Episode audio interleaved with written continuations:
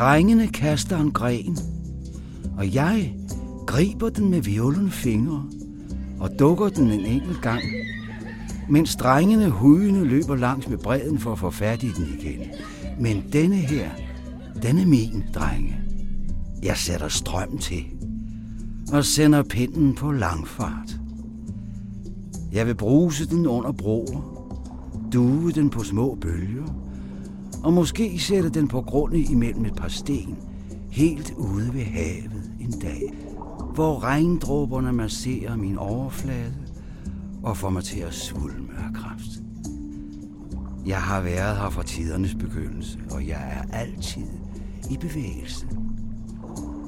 Jeg er altid og aldrig den samme.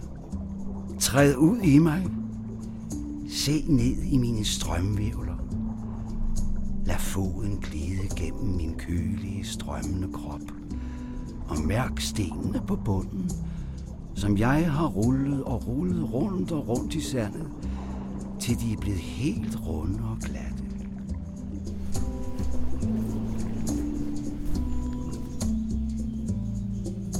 Hej. Hej Lene. Så er vi klar. Skal vi begynde at se på det hele? Lad os gøre det. Gudenåens udspring står der så her på et skilt. Ja. Så skal vi lige herned af en lille bitte bakke. Du lytter til Åsteder, fortællinger fra Gudenåen. Og så er den simpelthen her. Ja, og det vi kommer ned til her, det er jo ikke et kæmpe og vildt udspring, men øh, jeg synes måske nærmere sådan et lidt sumpet område. Ja, og faktisk så hedder det en sumpkilde. Den type kilde, som Gudenåens udspring er. Og øh, det er simpelthen fordi, at vandet det fosser op af jorden i sådan, øh, i et, i et, sådan et gruset område. Gudenåen er Danmarks længste å, og den har altid været kilde til liv. Som spisekammer og som energikilde, som fragtvej og som bindeled. Fra stenalderens mennesker til nutidens kalosejlende. Det hele starter med udspringet i Tindet Krat ved Tøring midt i Jylland. Og herfra bugter og snor den sig i 150 km, inden den når sit mål i Randers Fjord og løber ud i Kattegat. Mit navn er Line Grønborg, og jeg er taget til Tindet Krat sammen med Lola Hansen fra Glud Museum for at høre mere om Gudenåens begyndelse. Det vand, der kommer ud her, det har en konstant temperatur. For det er jo grundvand, der Ja. kommer op af jorden. Så det har jo ligget nede i nogle vandreservoirer og har den her konstante temperatur på omkring 7 grader.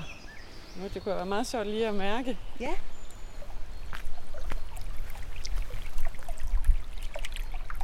Koldt er det i hvert fald. Det, man kan sige, det, er, det vil jo virke rigtig koldt om sommeren, hvor luften er varm og sådan nogle ting, men om vinteren vil det jo virke varmt, hvis det er frostgrader. Nå, men så står vi her og kigger på Gudenåen. Ja. Og øh, et af de første spørgsmål, der jo falder ind ind, det er, hvorfor hedder det overhovedet Gudenåen? Jamen, det her med, at åen hedder Gudenåen, det er lidt senere. Oprindeligt så hed den Guden. Bare sådan ganske kort, den her ikke sammensatte form. Det her med ordet Gud og hellig, det indgår i mange stednavne i Danmark. Og øh, her er det så bevaret i forbindelse med det her vandløb og er blevet til Gudenåen. Og det betyder den til guderne indviede å. Men når vi nu taler om navnet Gudenåen, så er det også noget med, at der er et savn, der knytter sig til det. Er det Ja. rigtigt? Det er rigtigt. Og øh, det er fordi, at det er savnet om halvguden Gudar, som Ja. har lagt navn til åen. Savnet det går på, at der var en mand nede i Tøring, som havde en datter, den skønne Else. Og øh, hun var så smuk, at det havde rygtes over hele landet. Og denne her halvgud Gudar, han havde hørt om hende, og han skulle lige til Tøring for at se, om det nu var rigtigt, at der boede sådan en skøn Else derude. Og så gik det jo hverken værre eller bedre, end at Gudar han stjal Else og smed hende op på kæren og kørte afsted med hende. Faren han blev skrækkelig ked af det, og derfor øh, så gik han til den kloge mand i tøring, fordi man skal nu engang ikke slås med guder eller helguder. Så den kloge mand skulle hjælpe ham, og det gjorde han. Først så fik manden her, Elses far, han fik ilden til hjælp til at fange Gudar. Men herude der blæser det, og det blæser fra nord, nordvest, og derfor så øh, kunne ilden ikke nå at fange guder, Han var simpelthen for hurtig. Så den Elses far, den gamle mand, han gik igen til tørring, ind til den kloge, Og nu fik han vandet til hjælp. Så sprang kilderne. Og så løb alle bækkene. Og de forenede sig til et stort vandlæme, som fulgte efter Gudar rundt i landskabet. Men til sidst, op ved Randers, der indhentede den store å Gudar, som omkom ynkelig i det dybe vand, og den skønne Else blev reddet.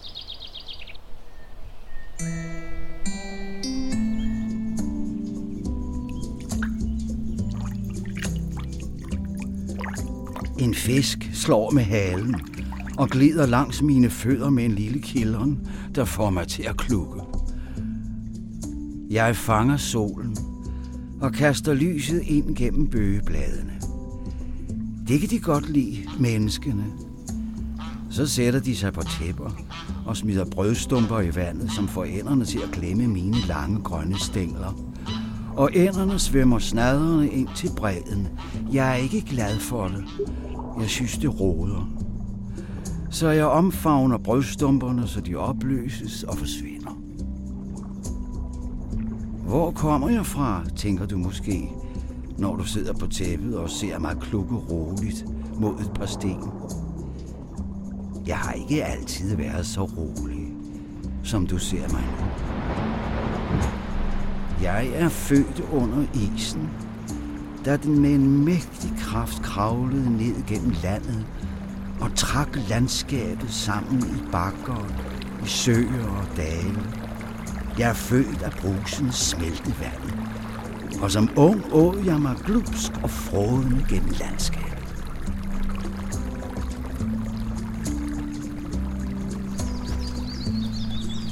naturvidenskabelig forklaring på, hvorfor åen har fået det løb, den har fået, der skal vi jo tilbage til istiden, til den sidste istid, hvor en stor del, et stor del af Jylland var dækket af is. Og øh, der lå isranden jo sådan her omkring, og da den begynder at smelte, så øh, alt det her vand, der smelter af, og alt det her vand, der pibler op af jorden, det har skulle finde sin vej rundt. Øh, og der kan man sige, det i nogle tilfælde er løbet sådan langs isranden, og nogle steder har det fundet de her øst-vestgående tunneldale. Og så er det så på et tidspunkt blevet til det forløb, som Gudenåen har fået nu, hvor den løber her fra Tindet Krat ved udspringet og ind til Tøring, og så øh, videre derfra op mod Vestbirk, og ved et store vandkraftværk, op til Mossø, op øh, ved Ry og Skanderborg, og så videre op mod Silkeborg, hvor den lige skal igennem. I dag skal man igennem slusen, hvis man kommer i en kano. Og så videre op mod Ans og, øh, og Tangeværket. Og så løber den videre over ved Ulstrup og den vej, og så ud i Randersfjord. Så der er jo ikke mange steder ved Gudenåen, hvor, hvor man vil kunne stå i vand til anklerne, og hvor man kan springe over, øh, ligesom man kan her. Så springer du lige over åen her. Hop. det, det kan man, man godt. Det kunne man godt. Det kan man sagtens her. Det kan Men man de har nu lavet en solid træbro, så man kan, ja. man kan gå tørskoet ja. over. Men kan man så sige noget om, hvad der kendetegner Gudenåens forløb op gennem landet? Mm, Gudenåen er jo Danmarks mest sørige vandsystem. Det vil sige, at den løber her fra udspringet op til Randers Fjord og kommer igennem en hel masse søer undervejs. Jeg mener, det er noget op imod 70 søer, den kommer igennem på sit løb igennem landet. Og derudover så kan man sige, at det er en markant grænse i landskabet. Man har altid brugt åer og vandløb til at danne sådan nogle naturlige grænser i landskabet. Det har været en nem måde at afgrænse et ejerlag eller et sovn eller et eller andet på ved at sige, at her går et vandløb, det ligger nogenlunde fast, og derfor så, øh, så bruger vi det som et skæld. Og på det midterste forløb af Gudenåen, der markerer den simpelthen også en, øh, en ret markant dialektgrænse mellem de vest- og sønderjyske dialekter, som sætter det bestemte kendeord foran navneordet, og så de andre danske dialekter, som sætter kendeordet efter øh, navneordet. Altså det er forskellen på, om man siger eh, hus, som man gør i Vest- og Sønderjylland, eller om man siger huset, som man gør på de andre danske dialekter. Det er det vel lidt sjovt, at man kan spore det tilbage til Gudenåen. Den er i hvert fald en medvirkende grænse medvirkende til, faktor til, medvirkende faktor ja. til, at det har været et markant skæld, og at man derfor har hvad skal man sige, dannet nogle, nogle sproglige særtræk. Noget andet, som jeg jo ved vi skal se på herude, og som jeg har glædet mig rigtig meget til at se, det er det, der hedder Tinnet Badeland. At man faktisk engang har haft et badeland herude. Ja. Midt i Jylland, så langt væk fra, fra havet, som man nærmest egentlig kan komme. Og det er noget med, at det ligger Det ligger lige herovre. Ja, Vi skal lige over træbroen ja. og ind på marken herovre, så kommer vi lige over til Danmarks første badeland. Lad os da lige gå over og se lidt på det.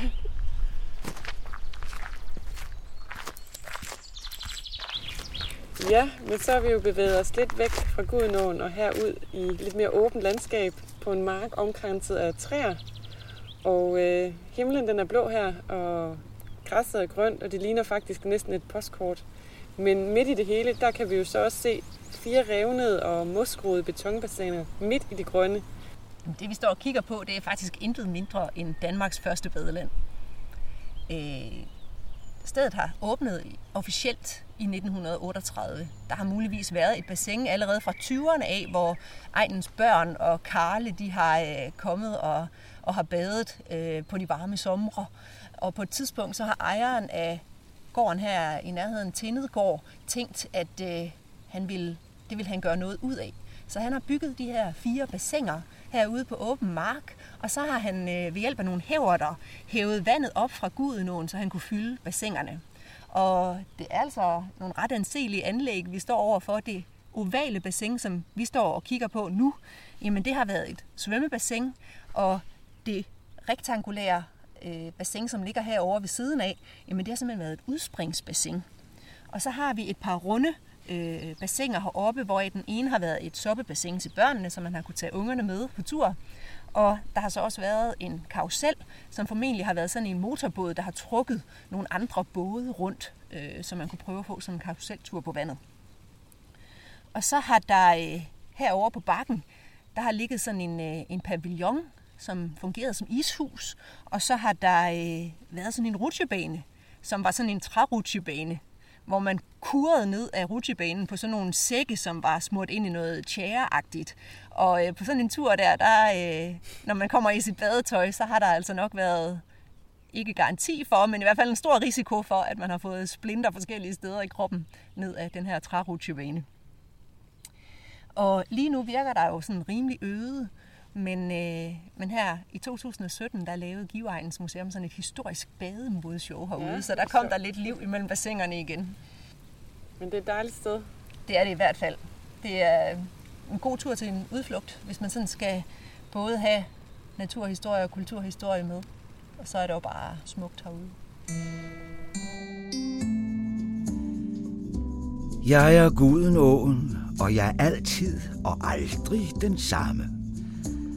Jeg har været her længe før dig, og jeg er her længe efter, at du er forsvundet. Følg mig, så skal jeg fortælle dig om hemmelighederne langs mine bredder, og jeg kan nok fortælle en historie eller to om nonner, øh, prammænd, ingeniører med store idéer, eller jernalderfolk, der slog lejre, og om alt det andet, der gemmer sig under overfladen, og under de vejende kornmarker, bøgeskoven og bakkerne. Alt det vil jeg fortælle, og så vil jeg viske dig drømme i øret. De drømme, der kun kommer, når du stille flyder på vand, lytter til min brusen, insekternes summen og dit eget hjerteslag.